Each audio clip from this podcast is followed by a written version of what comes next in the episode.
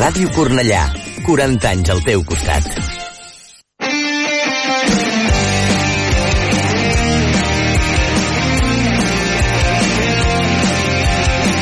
Ara comença l'Esport al punt. Tots els dilluns a les 9 del vespre a Ràdio Cornellà. Joel Gadea. Bona nit, benvinguts i benvingudes a l'Esport al punt.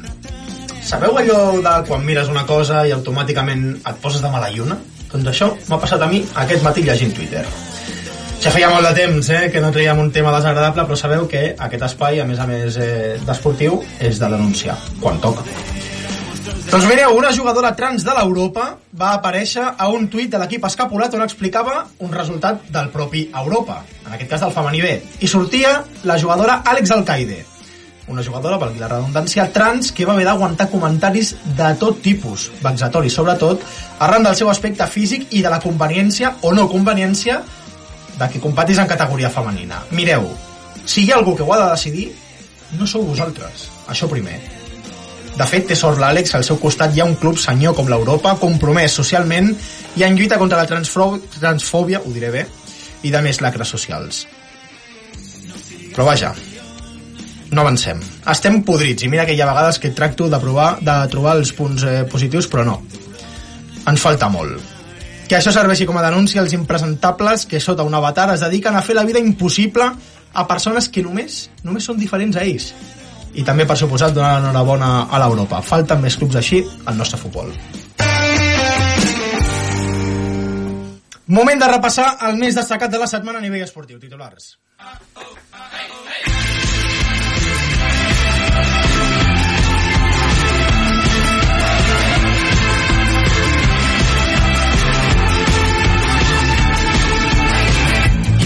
Empat de la Unió Esportiva Cornellà contra el QE. Adri León, què tal? Bona nit.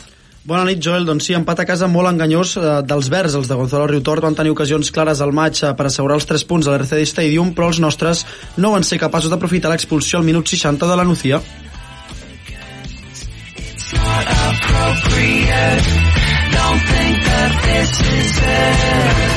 Tampoc hi va haver-hi victòries a segona catalana. Eros González, què tal? Bona nit. Bona nit, Joel. Empat de l'Almeda a casa davant del Valldoreig per 1 a 1. Un resultat que permet als cornellanencs continuar invictes en aquest inici de Lliga on són tercers a la classificació. I per part del Sani va descansar aquest cap de setmana. Uh -huh. També tenim doble derrota en bàsquet. Doncs sí, derrota en primer lloc del bàsquet Cornellà al Parc Esportiu per 66 a 79 davant un gran Canària que comença a posicionar-se entre els rivals més forts de la Lliga. I pel que fa al, al bàsquet Almeda, segueixen les males notícies, ja que van perdre 57 a 52 a casa de l'advisòria Boet Mataró. Les. Excelente coordinació. Eh, Copa Catalana Absoluta de Natació que s'ha disputat aquest eh, cap de setmana. Cristina Moreno, què tal? Bona nit. Bona nit, Joel, i felicitats. Eh, Bons resultats pel Club Natació Cornellà, la Copa Catalana Absoluta, amb la tercera posició del Rayo masculí 4%, o la segona plaça de Juan Manuel Sánchez al 100 Papayona, o Marc Zaragoza al 200 Esquena, per destacar alguns d'aquests resultats. Recordeu que també estem en directe a les xarxes eh, socials, ens podeu seguir a Twitter, a Facebook, a Instagram, a Twitch, estem en directe, saludeu a la càmera, també a TikTok i també a LinkedIn. Cordeu-vos els cinturons que comencem.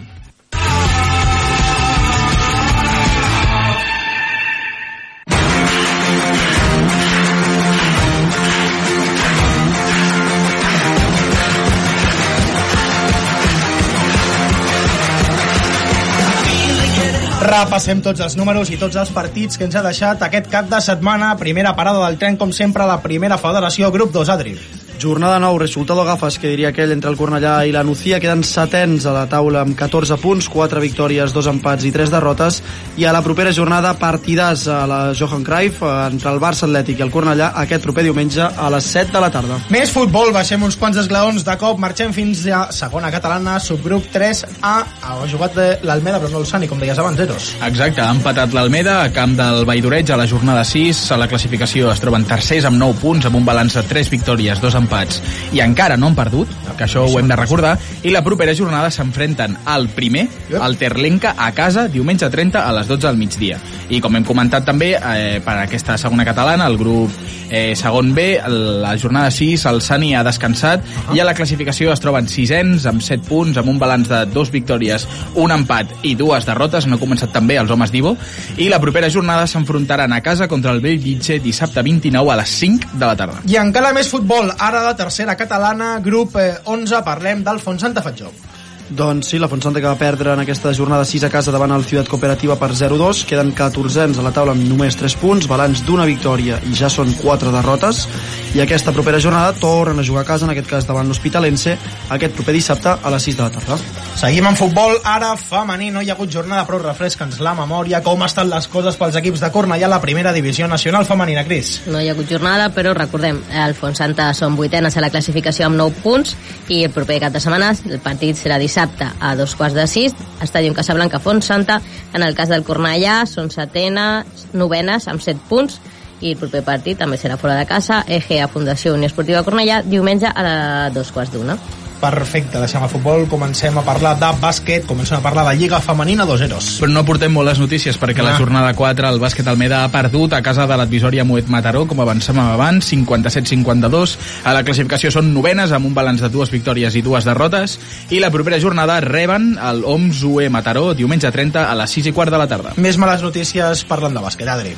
Doncs sí, l'altra derrota en aquest cas del bàsquet Cornellà que va perdre a casa en aquesta jornada 4 davant el Gran Canària per 66 a 79 19, queden vuitens amb dues victòries i dues derrotes i a la propera jornada jugaran davant el setè, per tant partit directe davant l'Horta Godella aquest diumenge a les 12 del migdia. Futbol sala, primera catalana pel futbol sala Cornellà Eros. Jornada 2 i empat a 4 pel Cornellà contra l'acció Sant Martí. A la classificació són uns amb un punt, amb un balanç de 0 victòries, un empat i una derrota, i la propera jornada s'enfrontaran a casa de les Reals dissabte 29 a les 5 de la tarda. Passem a parlar d'handbol de primera catalana fase B sènior masculina, Adri tros de victòria en aquest cas del Ràpid Cornellà aquesta jornada 5 de, davant el Sant Esteve de Palau Tordera 28 a 34 queden segons ja amb 6 punts ja van 3 victòries i només una derrota i la propera jornada el Ràpid Cornellà que rebrà el Lleida Uh -huh. I ho tanquem tot plegat parlant de rugby, parlant de la divisió d'honor grup B. Sí, parlem d'una derrota molt dolorosa del Cornellà al camp de l'UES, 68 a 7. A la classificació són setens amb una victòria i tres derrotes i la propera jornada descansa per refrescar una mica aquestes actituds i aquest balanç per propers partits. Li vindrà bé al eh, Rugby Club eh, Cornellà descansar després d'aquest 68 a 7, eh? 68 a 7 fa molt mal. Duríssim, duríssim. Ara sí, això ho tenim tot sobre la taula.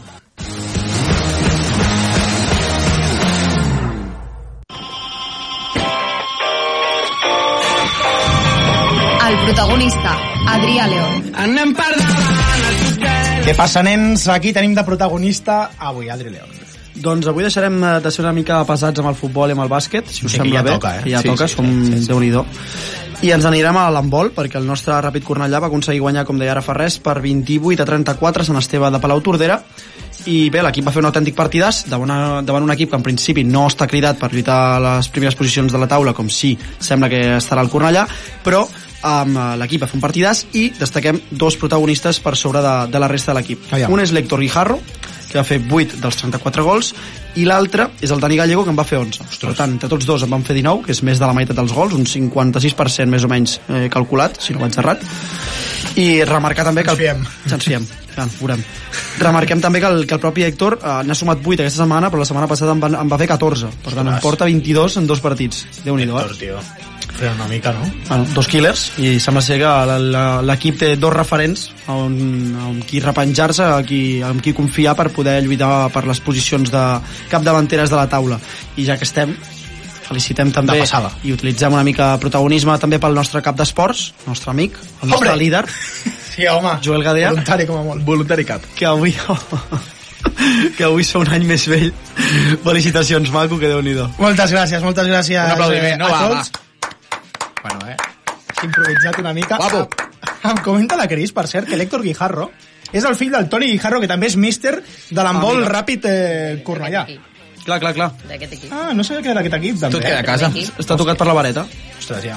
Llavors, eh, el Toni Guijarro no té aquell problema de bueno, és el meu fill, no sé què fer, no és gaire bo, no, no sé si posar-lo o no. No, perquè a més és una No, no. màquina. Si no juga, la resta de companys, No tens el eh, dilema, sí, sí. Si no juga, els de més li diuen Posa'l. póngamelo, por favor, que es el que mete goles, eh? Una de Guijarro, por favor. Una, una de Guijarro. terrible, terrible. Doncs moltes felicitats a l'Héctor eh, Guijarro, exaequo, aquest protagonista de la setmana, perquè també es fa el Dani Gallego. 8 gols i 11 gols eh, respectivament en aquesta victòria 28 a 34 a la pista del Sant Esteve de Palau Tordera. Passen 13 minuts de les 9 del vespre.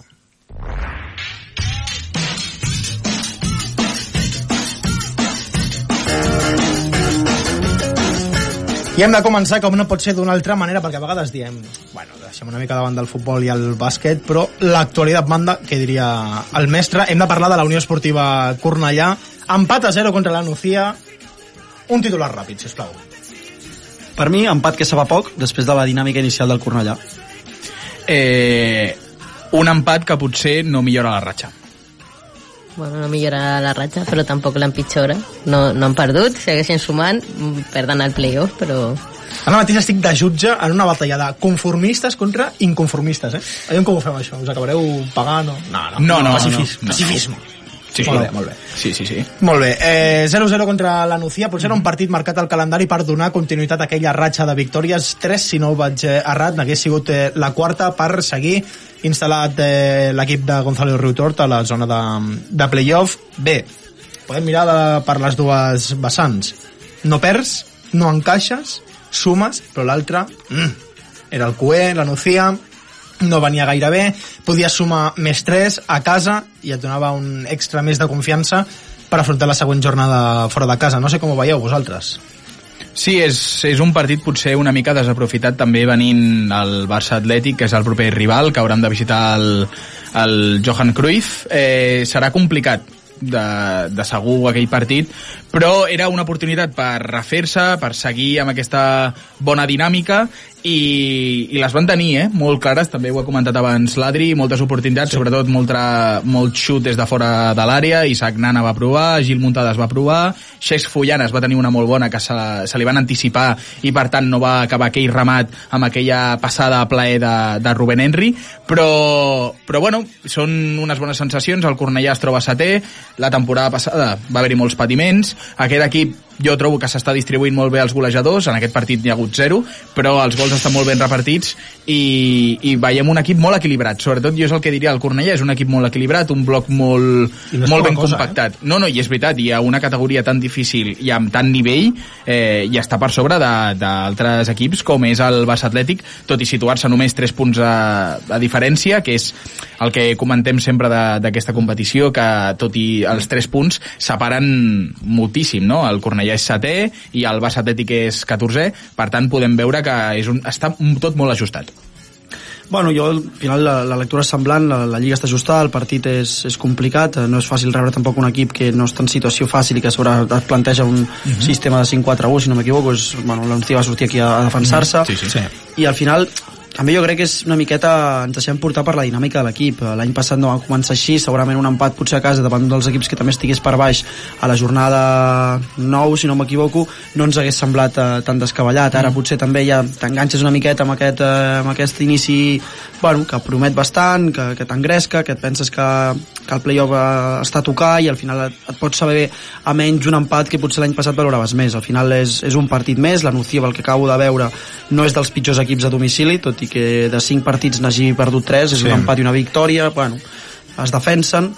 I, i bé, el que deia, i el que deia l'Eros, al final eh, és un QE o era un QE que de 9 jornades n'ha perdut 3 vull dir, estem parlant d'una primera ref on aquí el més tonto fa rellotges diria mon pare. Vull dir um, bueno un punt més, més que dos punts menys al final, s'ha de pensar així i a, Sí. i a fer-lo bo sobretot a la Johan Cruyff perquè si no sí que un punt de 6 eh, fa pupa O sigui, estava mirant números de la temporada mm. passada i després de 9 jornades el Cornellà era el 9è amb 13 punts. Sí. És a dir, números molt similars. Sí. Clar, la davallada va venir després, uns mesos on li va costar molt a l'equip eh, verd, fins i tot va haver-hi el canvi de tècnic, va marxar Raúl Casany i va arribar Gonzalo Riutort, però vaja, perquè veieu que els guarismes més o menys eren, eren similars. Ara que són 4 victòries, 2 empats i 3 eh, derrotes, sí, sí. i llavors eren 4 victòries, un empat i 4 derrotes. Sí, però els números, sobretot defensius, almenys el que l'aposta que està fent Gonzalo Ruitort, jo crec que li està donant, li està donant fruits. Només 7 gols Sí, sí. en aquests 9 partits, és un ràtio molt positiu, sí que és veritat que ofensivament és el que hem comentat, només porten 7, per tant és una diferència de gols de 0, però mm, jo crec que aquest sistema que molts cops incrusta Isaac Nana en sortir a pilota sí. i surten amb 5 defenses ajuda moltíssim al Cornellà, sobretot a camp propi i...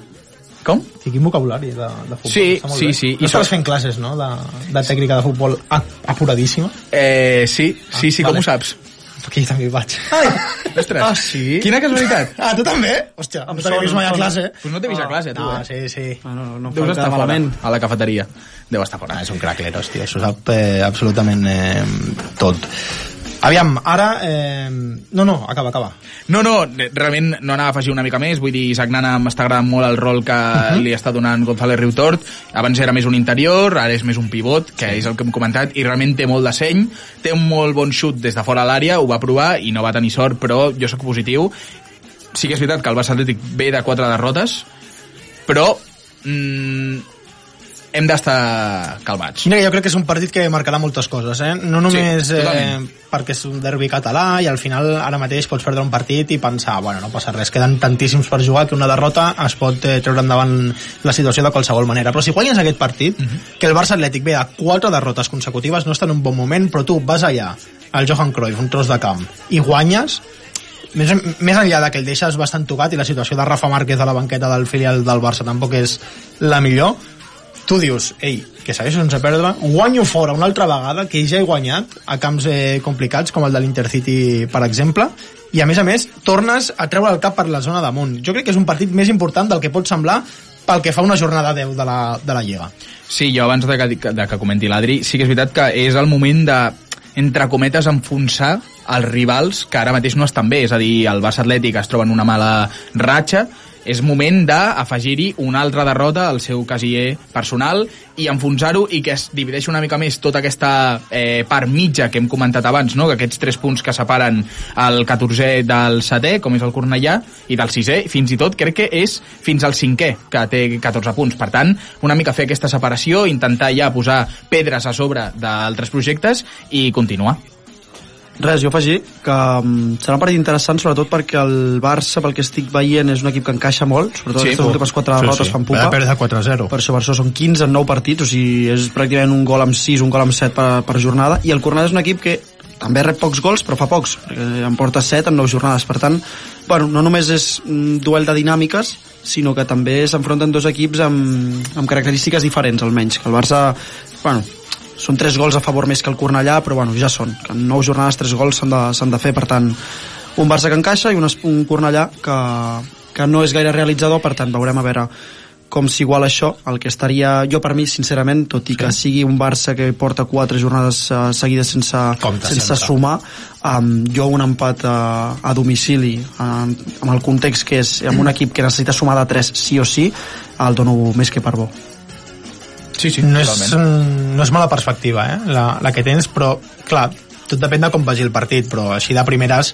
pots pensar, "Mm, sap una mica poc, venen de quatre derrotes seguides, estic en bon moment, com a poc l'empat, però vaig a provar, aviam si, sí, sí. aviam si guanyo. I per la zona baixa de la classificació hi ha equips, eh, no et diré destacats, destacats, a baix a baix, però vaja, el Calahorra continua com a cué, la Nucía, eh, també aquesta és la zona baixa, ha sumat un punt ara l'RCD Stadium, però continua també en descens, la Morevieta, que a mi em sorprèn bastant venint de segona sí. divisió directa i estan tan a baix. També tenim el Real Unión i tenim el, el Bilbao Atlètic Hòstia, tres equips bascos i un eh, navarrès eh, en la zona de descens estan sí. notant el, el canvi de grup No, no, ho estan notant, ho estan notant.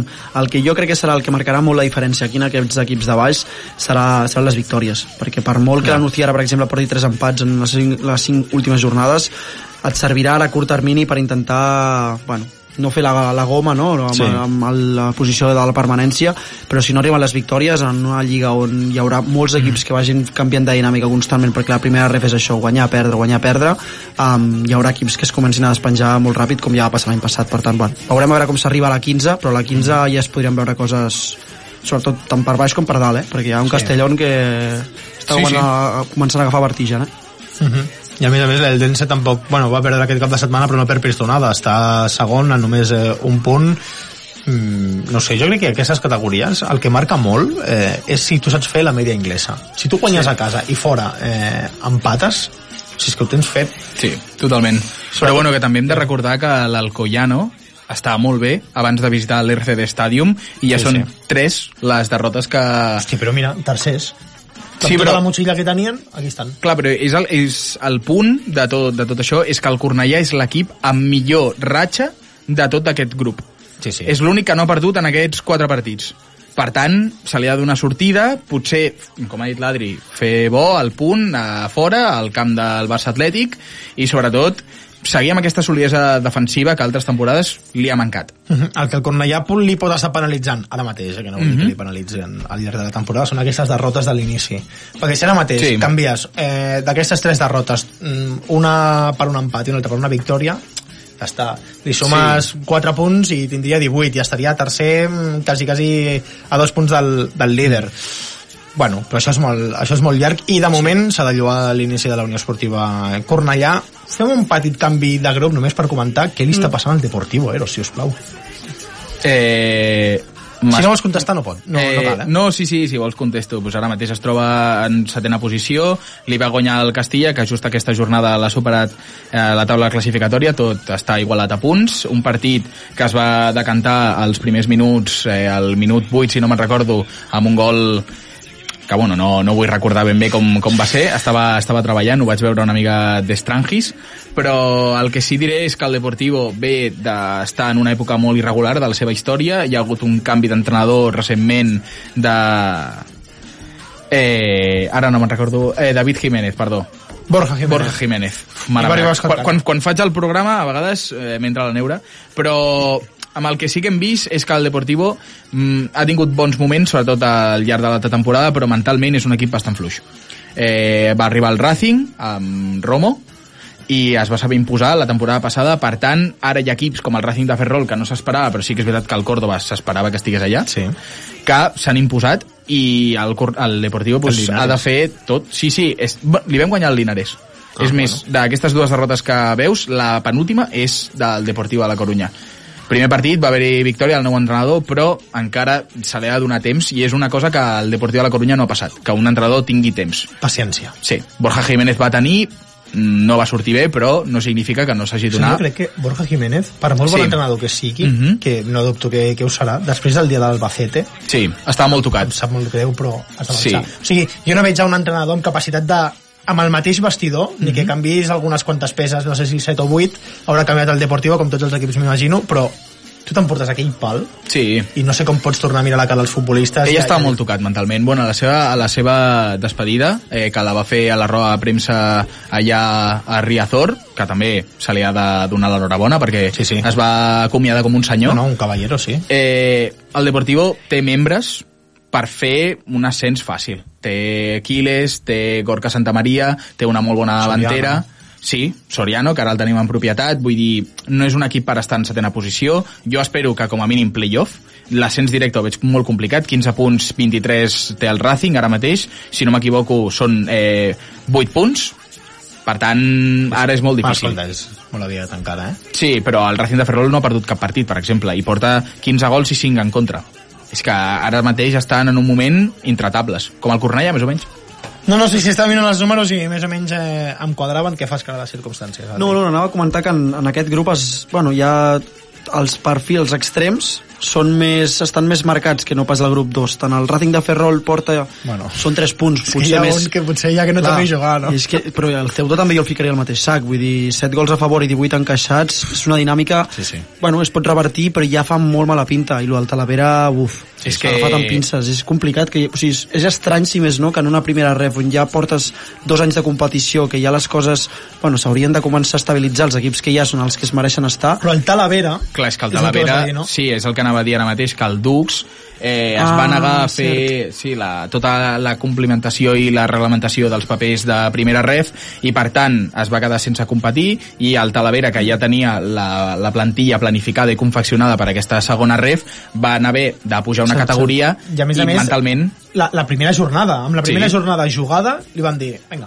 I casualitat, Ara primera- a primera casualitat federació, que la primera hòstia. jornada era contra el Deportiu de la Corunya, Sí, el Dux, sí, i també ha estat un factor que s'ha encaixat molt, però Vull dir, no crec que alteri tant el ritme competitiu i el Talavera, el primer partit que va jugar contra el Deportivo, mm, va posar en greus problemes a l'equip de l'equip arcolí.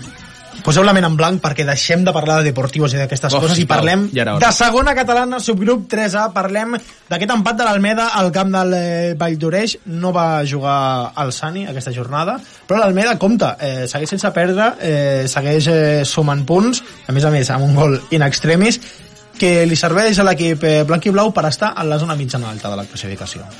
Sí, sí, sí, l'Almeda amb una base defensiva, jo crec que és el que està de moda als equips de Cornellà, no? Ho hem vist amb la Unió Esportiva Cornellà, ara amb l'Almeda, defensant molt bé, és l'equip menys golejat del seu grup, si no m'equivoco, ara mateix, porten només dos gols en cinc jornades, sí que és veritat que és una mica aviat per parlar de l'equip més sòlid, però ara mateix a nivell de números el registre ho està donant i el Terlenca en porta més. Per tant, aquest maig que veurem la setmana que ve, que ja ens comentarà ara el Víctor, a veure com anirà.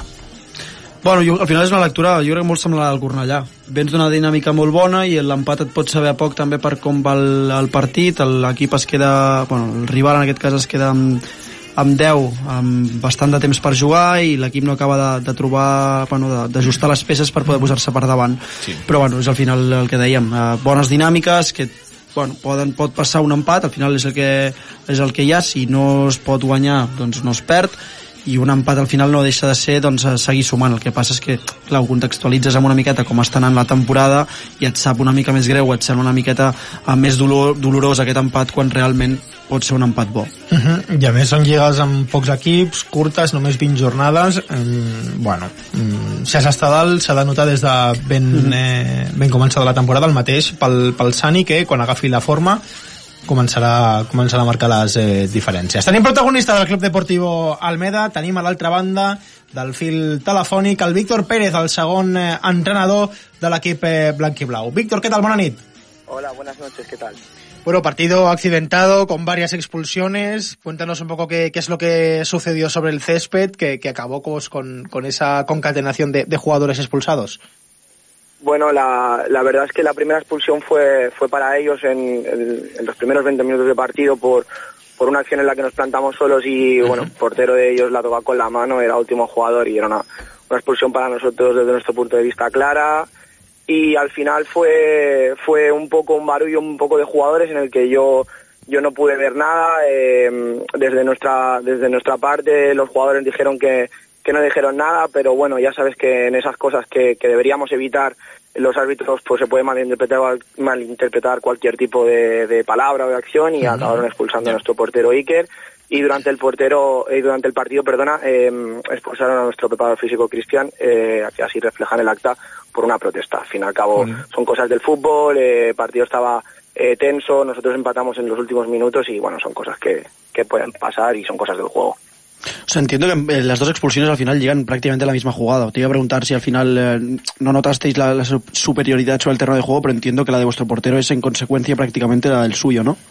No, no, no. eh, es que cuando expulsan a nuestro portero eh, está el partido terminado ya. Es decir, fue, fue al acabar el partido eh, y fue por, por eso, por, por, por protestas y todo el rollo. Y la de, la de ellos sí que por- fue, fue por una acción del juego que fue a los primeros minutos.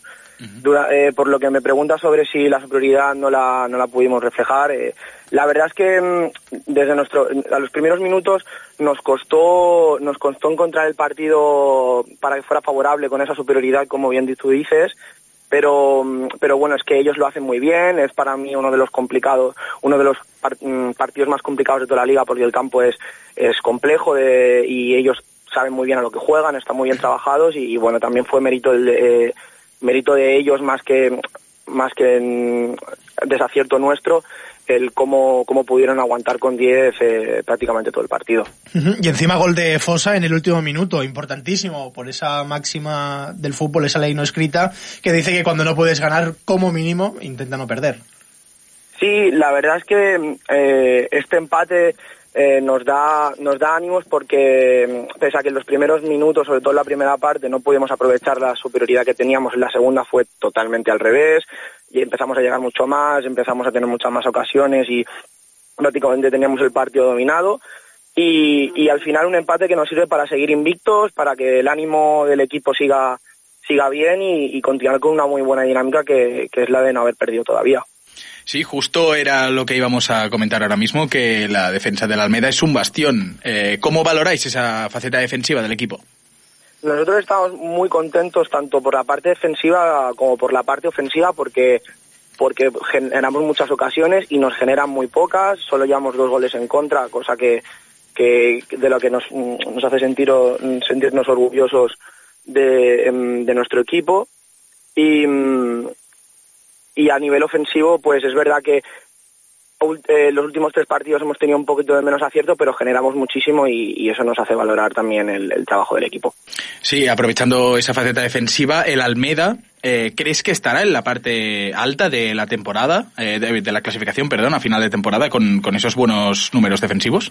Bueno, la verdad es que no, lo, no lo contemplamos porque sería un error ponernos uh -huh. un objetivo a largo plazo. Claro ya que intentamos trabajar a corto plazo, cuando intentas mirar hacia adelante te olvidas de lo que tienes cerca mm. y cada partido en esta, en esta competición es un mundo, es muy competido, todos los equipos están a un gran nivel y, y cuando intentas mirar a lo lejos, ya te digo, lo que tienes cerca se te, se, se te olvida y pues puedes meter la pata en ese sentido y por lo tanto nosotros miramos de intentar ganar todos los partidos y afrontar eh, y competir a la máxima rivalidad.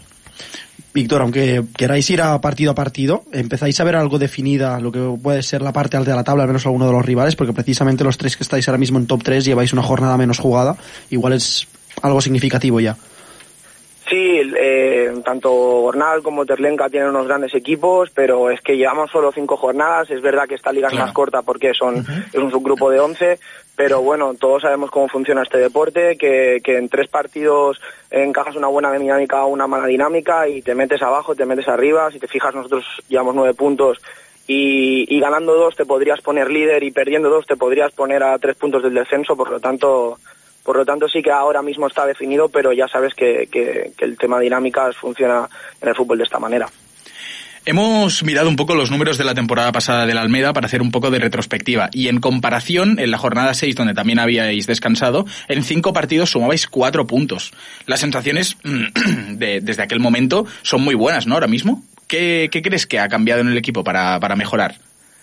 Nosotros estamos muy contentos con el equipo y, y el, el, el, estado de ánimo que, que, está viviendo la plantilla claro. es fenomenal por, por, por, lo que tú dices a nivel de resultados y uh -huh. de cara a la temporada pasada fue un tema sobre todo de efectividad, de que de lo que te he dicho del tema de dinámicas, porque al final eh, acabas sabiendo a lo que juegas, acabas generando y que te generen poco, pero pero el fútbol lo dominan las áreas y si no metes gol y acabas encajando, eh, encajas malas dinámicas, malos resultados y, y, es muy fácil perder varios partidos seguidos o empatar varios partidos seguidos. Y es, fue, fue un tema, el año pasado fue un tema de dinámicas porque el trabajo seguía siendo igual de bueno, continuamos el mismo cuerpo técnico, prácticamente el mismo equipo de la misma plantilla claro. y, y el trabajo sigue siendo el mismo, pero bueno, este es un deporte que funciona así. Y además ahora recibís eh, al líder, a la Terlenca barcelonista, eh, si ganáis no lo podéis superar en la clasificación, os quedaríais solo a un punto, pero eh, sois las dos mejores defensas de, del grupo, de, de, este grupo, mejor dicho, de segunda catalana. No sé si esperan un partido loco con muchos goles o algo más bien cerrado que se defina por pequeños detalles. Pues la verdad es que es un misterio porque eh, prácticamente todos los partidos que se disputan en esta categoría, por lo que hemos visto, se deciden por detalles, pese a que haya resultados más, más abultados, como este último que tuvo la Terlenca de 4 a 1 sí. a favor en, en, contra Marianao. Pero Marianao hizo un grandísimo partido y, y fue, se marcó, se marcó la victoria de Terlenca por detalles. Eh, la Terleca tiene un grandísimo equipo, explota muy bien sus fortalezas y esconde muy bien sus debilidades. Entonces será un partido que lo marcarán detalles, pero que se puede, se puede definir por un resultado abultado o más bien por uno corto. Pues Víctor Pérez, eh, segundo entrenador del Club Deportivo Almeda, muchas gracias por pasarte por las Portal Pun y mucha suerte para el partido contra el líder este fin de semana. Gracias a vosotros y buenas noches. Sintonitzes Ràdio Cornellà. T'agrada aquest programa? Descarrega't ja l'aplicació gratuïta Ràdio Cornellà per iPhone i Android. El podràs escoltar, compartir i descarregar. Ara, ho tens més fàcil que mai. Gaudeix de Ràdio Cornellà quan vulguis al teu mòbil. Si te llaman por teléfono o a la puerta, si te paran por la calle, siempre que te pregunten qué emisora escuchas, tú lo tienes claro Tu respuesta es Radio Curnallá, por supuesto. Radio Curnallá, siempre a tu lado.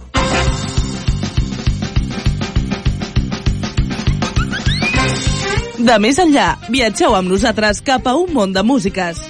Connecta't amb De Més Enllà cada diumenge de 5 a 7 de la tarda a Ràdio Cornellà, amb Jordi Garcia.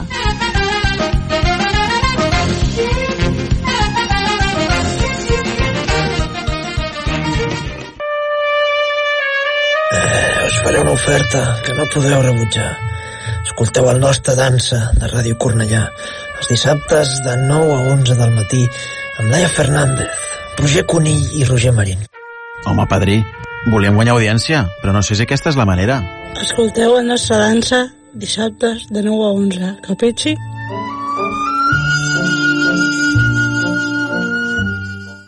Cada dia a les 12 de la nit a Ràdio Cornellà, Top Català.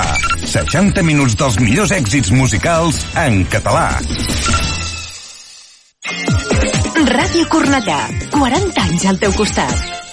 Segueix-nos al nostre compte d'Instagram arroba l'esport al punt.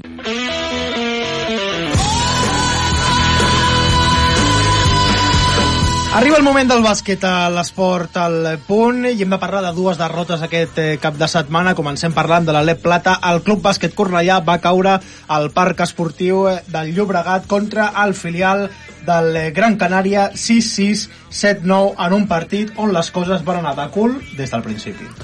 Sí, sí, sí, els quatre parcials, de fet, els quatre quarts els van perdre, tot i que només és el tercer on, eh, bueno, reben potser 5 punts de diferència, seria el màxim amb eh, el màxim avantatge parcial, podríem dir, del Gran Canària en aquest partit, però bueno, sí que és cert que al final és un, és un comptagotes. Si no aconsegueixes recuperar cap, de, cap dels quarts perduts amb anterioritat, al final eh, és un goteig constant i es veu reflexat el marcador 13 punts a baix. Bueno, derrota també dintre el que acaba esperable, el Gran Canària bon equip i un dels cridats a lluitar per la part alta, vull dir.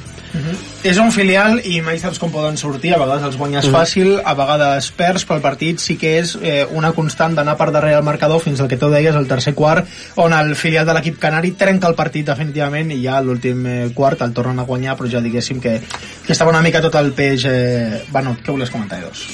Sí que trobem que la distribució de punts no és l'esperada. Potser els homes que estaven cridats a liderar aquest projecte en aquest partit estaven o molt ben marcats o potser no han trobat el dia, com són Alex Yorca, Nacho Martín, Sergi Pino, que va jugar només dos minutets.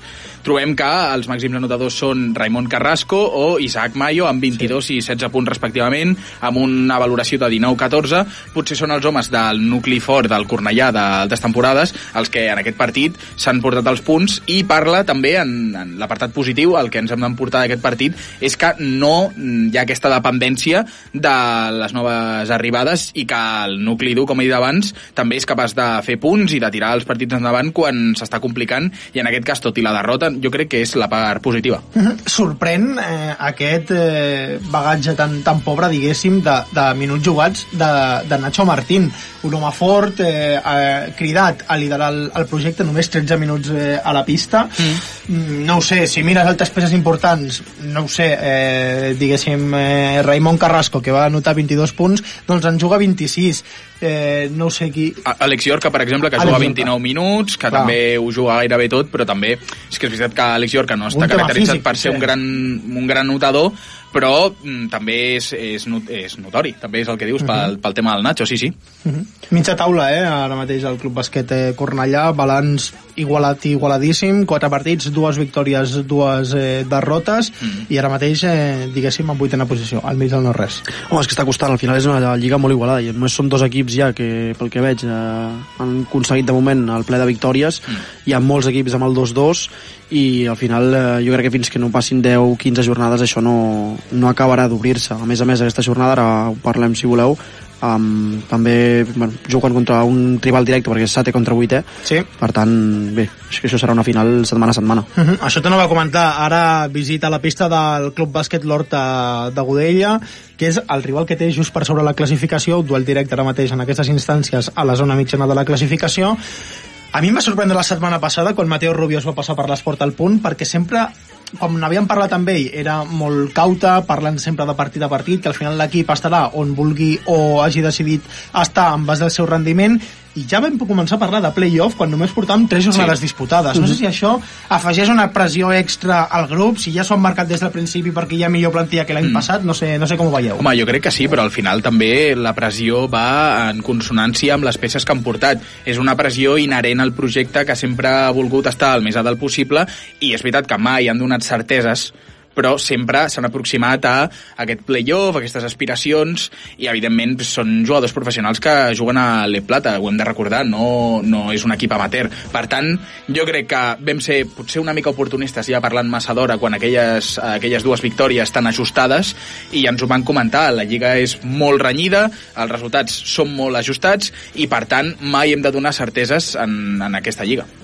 coincideixo amb l'Eros, i al final eh, si l'equip està sentat a la categoria i eh, la plantilla s'ha treballat i s'ha format en consonància a les, als objectius sobretot de, del club i aquest objectiu no deixa de ser el playoff doncs eh, s'hi ha de creure des del principi jo crec que l'important en aquesta lliga serà com parlàvem ara um, saber reaccionar a les derrotes perquè segurament no hi haurà ratxes molt Mhm. llargues de victòries ni de derrotes i s'haurà de sobreposar pràcticament setmana a setmana resultats adversos, resultats bons i anar fent partido a partido com hi ha moltes competicions que la gent ja Partido comença a adherir-se a aquest, a aquest concepte però de forma molt real perquè sense anar més lluny crec que l'Horta també porta dues victòries ara havien Mhm. començat amb dues derrotes dues victòries ara, per tant es troben dues dinàmiques que, bueno, a veure com, com acaba la cosa Mhm, També hem de parlar de, de derrota, en aquest cas, eh, del bàsquet Almeda a la pista de l'advisòria Boet eh, Mataró, aquest cas eh, més ajustada, 57 a 52, i tenim eh, protagonista a aquesta hora de la nit a l'esport al punt, l'Anna Grau, una de les veteranes de la plantilla que dirigeix Fernando Gordo. Anna, què tal? Bona nit.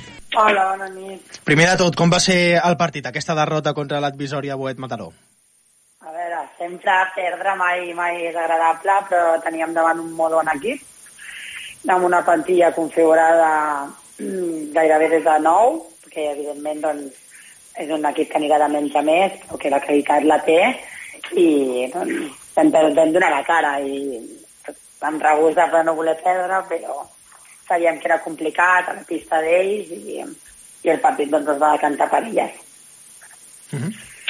Anna, uh, és, potser una mica d'hora per dir-ho, però el Mataró està en posicions de top 4 i eh, veu deies ara mateix, uh, veu competir fins l'últim moment, també veu competir moltíssim de fet contra l'Unilever Viladecans, que a dia d'avui segueix sent el líder, amb, uh, no sé, uh, explica'ns una miqueta com està sent aquest primer mes de competició i quins són els objectius ara després d'aquestes quatre primeres jornades que jo crec que a nivell general han estat prou bones. Sí, la veritat és que estem contentes, ja portem un, a aquesta altura, portem un mes i mig ja treballant, amb moltes dificultats per tema de, de lesions, plantilla curta, i, i doncs això ha, ens ha dificultat tenir dinàmiques d'entreno i hem hagut d'adaptar-nos moltíssim, però molt contentes amb, amb com estem competint, amb el que estem avançant, evidentment queda moltíssim de temporada i nosaltres també com a equip hem de, hem de seguir treballant per seguir mm, millorant i, i no deixar de competir ni de sorprendre. Hola, Anna, què tal? Ara, ara, Hola. que. Ara, ara, perfecte, perdona. Eh, és la tercera temporada de l'equip a aquesta categoria i la segona teva a l'equip. Veus a un equip molt més assentat a la categoria?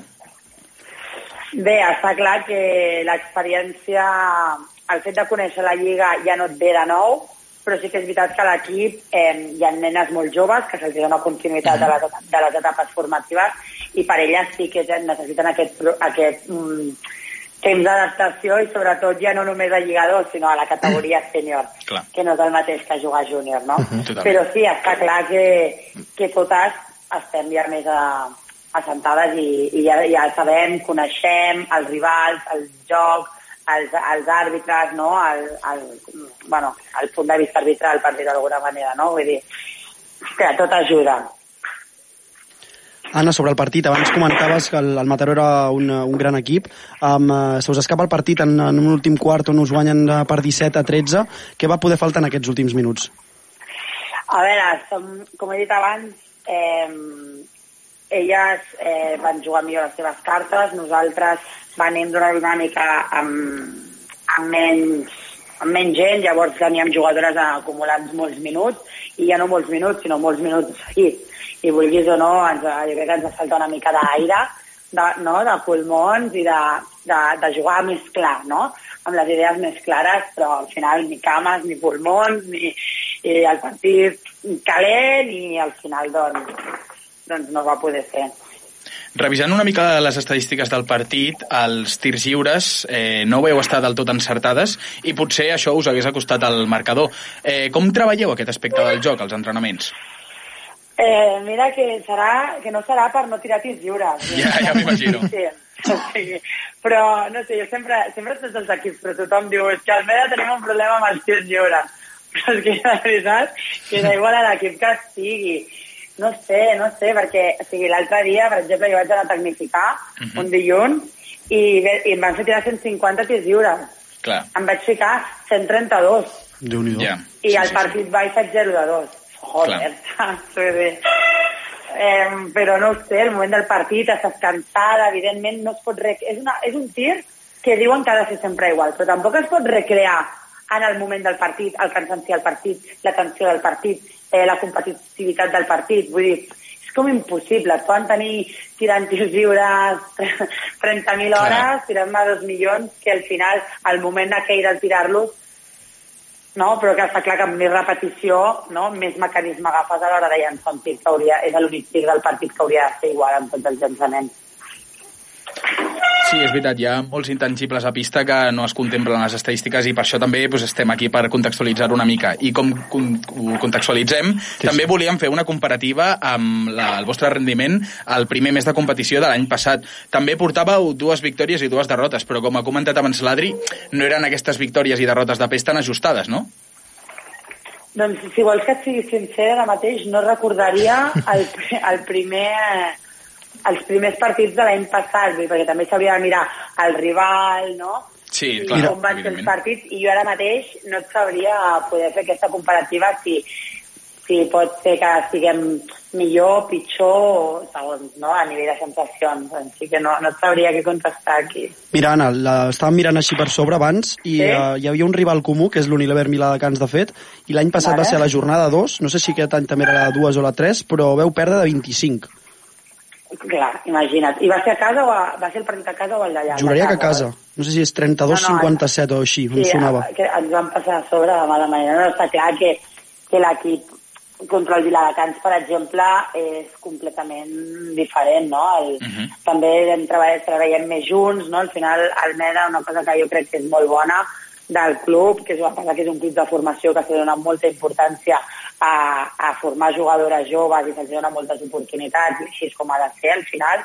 Eh, això fa que hi hagi molta gent al sènior que eh, eh, treba- està sempre, no? diguéssim, o sigui, evidentment han d'haver incorporacions, han d'acomiadar gent i amb molta pena perquè han de seguir els seus camins, però hi ha un gruix molt gran que, que ve d'Almeda, no? Llavors la vas trobant, llavors això fa que tu també et coneguis més, no? Això fa que, que un equip nou s'ha de con- conèixer, no? Per molt que siguin superbons, és igual, s'ha de conèixer perquè és un joc en equip. Clar. I nosaltres jo crec que això sí que ho tenim.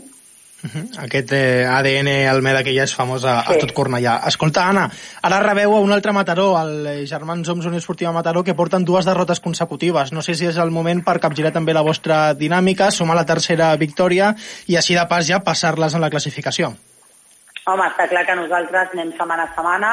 eh, demà començarem la nostra setmana i la començarem eh, al màxim amb tot, la, amb tot el que, que estigui a les nostres mans per poder eh, treure el partit del cap de setmana. Evidentment, cap partit al Lliga 2 en aquesta competició és fàcil, ho sabem, però sí que hi fiquem tot el que està a les nostres mans per, per competir-los i, evidentment, que volem endur-nos la victòria i més a casa. Uh -huh, doncs segur que sí, amb la força de jugar a casa també, sempre que, que les coses van una mica mal dades, doncs sempre s'empenya una mica més eh, cap endavant. Anna Grau, jugadora del bàsquet Almeda femení, moltes gràcies per passar-te aquesta estona per l'Esport del Punt. Moltes gràcies a vosaltres, nois. Segueix-nos al nostre compte de TikTok, arroba l'esport al punt.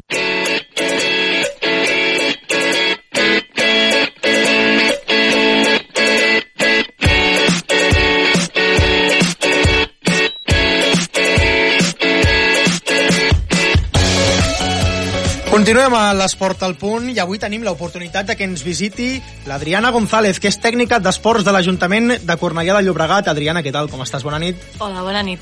Bé, eh, ja que et tenim aquí, tenim l'oportunitat de preguntar-te per aquestes noves iniciatives que el Departament d'Esports de- d'aquesta ciutat està promovent, sobretot enfocada de cara al jovent d'aquesta ciutat. I una d'elles, que m'ha cridat en especial l'atenció quan parlàvem abans fora de micròfons, és la tarda jove. Eh, ara en parlem més en profunditat, però tarda jove, així, a primera vista, en un titular, què és? Bueno, és una activitat eh, multiesportiva que es trobaran de tot, un ventall d'activitats per, pels nostres joves de la ciutat. Uh -huh. I a més a més és nova, no? Es va començar a posar en marxa al setembre, però aquesta idea d'on ve, d'on neix? Bueno, neix de la idea de que volíem donar oportunitat a tots aquells joves que no fan activitat esportiva, que no han trobat el seu lloc, que no han trobat el seu espai, doncs que els hi poguéssim dedicar un espai per compartir amb altres joves de la ciutat fent pràctica esportiva. Uh -huh. Recordem cada divendres, és a dir, l'últim dia laborable, diguéssim, entre cometes, de la setmana, de 6 de la tarda a 8 del vespre, i els joves que hi vagin, què hi poden fer? Bueno, el que es trobaran és eh, altres joves de la ciutat, uh -huh. altres companys i companyes que, que coneixeran i eh, molta activitat esportiva. La veritat que seran un ventall de sorpreses, perquè mai els hi diem què els hi esperarà. O sigui, a més amb intriga, amb sorpresa, eh, explica'ns una mica què, què s'ha fet ja, perquè ens estan sentint també molts joves que sàpiguen que on han d'anar, eh, què es poden esperar, aviam, que, que donem-los respostes també a aquests joves. Doncs la tarda jove es centra en el quiosc esportiu, que el tenim a la Rambla en Cercle B, a, a, tocant a, a la plaça de l'Església, i tots els divendres de 6 a 8 farem activitat esportiva. Um, el que és el quiosc és el punt de trobada. Des d'allà, uh -huh. el jovent que, que hi participi s'anirà a les diferents activitats que hi hagin programades per cada setmana. El que volem és fomentar les relacions entre els joves, sí. que, que l'esport sigui doncs, un, una eina per fomentar les relacions que, que compartim. Llavors, el que volem és que aquella, el que està succeint, bueno, més que res, el que està succeint és uh -huh. unes relacions molt maques i, i molt xules, perquè mentre ells es troben a, al quiosc i van a l'activitat esportiva, que potser doncs, la setmana passada van anar al parc esportiu, altres setmanes van a l'espai esportiu Saint d'Alfons, uh -huh. o en una pista de carrer, doncs aquestes relacions que s'estan fent entre ells doncs, estan molt xules. I després, doncs, per suposat, la, la pràctica esportiva. Uh -huh. Però l'esport eh, com a taló de fons, és a dir, eh, tenim l'excusa, diguéssim, de l'esport per anar fomentant aquestes relacions entre persones en una edat clau per construir la seva personalitat, el seu cercle de confiança, això és una mica el que es busca, no? Exacte. Sobretot, l'esport eh, és important, uh -huh. per això el que volem és recuperar aquells joves que potser abans feien esport o que no ho feien, doncs que puguin tenir una, una activitat esportiva gratuïta eh, tots els divendres a la tarda amb dinamitzadores, tenim tres monitores especialitzades sí. en el món de l'esport que, que els hi fan l'activitat i, que, i que és això, o sigui que, que bueno, està donant fruits molt macos, molt uh -huh. xulos amb èxit aquest eh, inici, aspira a arribar més amunt encara a la tarda jove, com ho veus? Sí, la veritat que és un projecte nou, és un projecte que acaba de començar, només portem un mes i mig i ja tenim uns entre 15 i 20 joves de la ciutat. Eh, com la majoria de projectes, tots els inicis, costa una mica doncs, arribar a la gent, per això agraeixo a vosaltres doncs, la visita d'avui, que Home, puguem no. fer difusió doncs, d'aquest projecte per convidar altres joves a, a que, a que s'animin. Uh -huh. Doncs eh, ja ho sabeu, si no m'equivoco, per joves a partir de primer de l'ESO, cada divendres a partir de les 6 de la tarda i fins les 8 eh, del vespre al quiosc a la Rambla, al costadet eh, de l'església, que us espera dues hores eh, d'esport i de fer nous amics eh, i amigues. Adriana González, tècnica d'esports de l'Ajuntament de Cornellà, moltes gràcies per passar-te aquesta A estona per l'esport vosaltres. del punt. Moltes gràcies. Vinga, que ja ve la Cris.